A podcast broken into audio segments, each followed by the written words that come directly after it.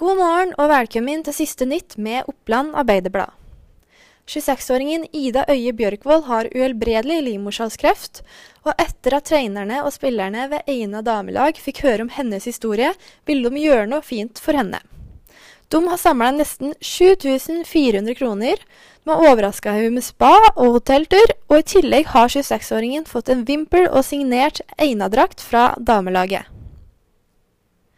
For ni år sia gikk 39-åringen Roar Solli fra å være en mann som bare hadde spilt litt løkkefotball på Reinsvoll, til å gyve løs på Birkebeinertripperen med både ski, sykkel og i løping.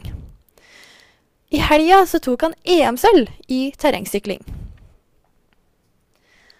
Det har vært en nedgang i alkoholsalget i Oppland første halvår av 2019.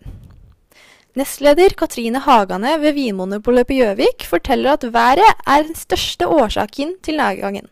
I fjor sommer så hadde de oppgang pga. det fine været. Det har også blitt solgt mye mer rødvin i år sammenlignet med fjoråret, hvor det gikk mest i hvit og rosévin.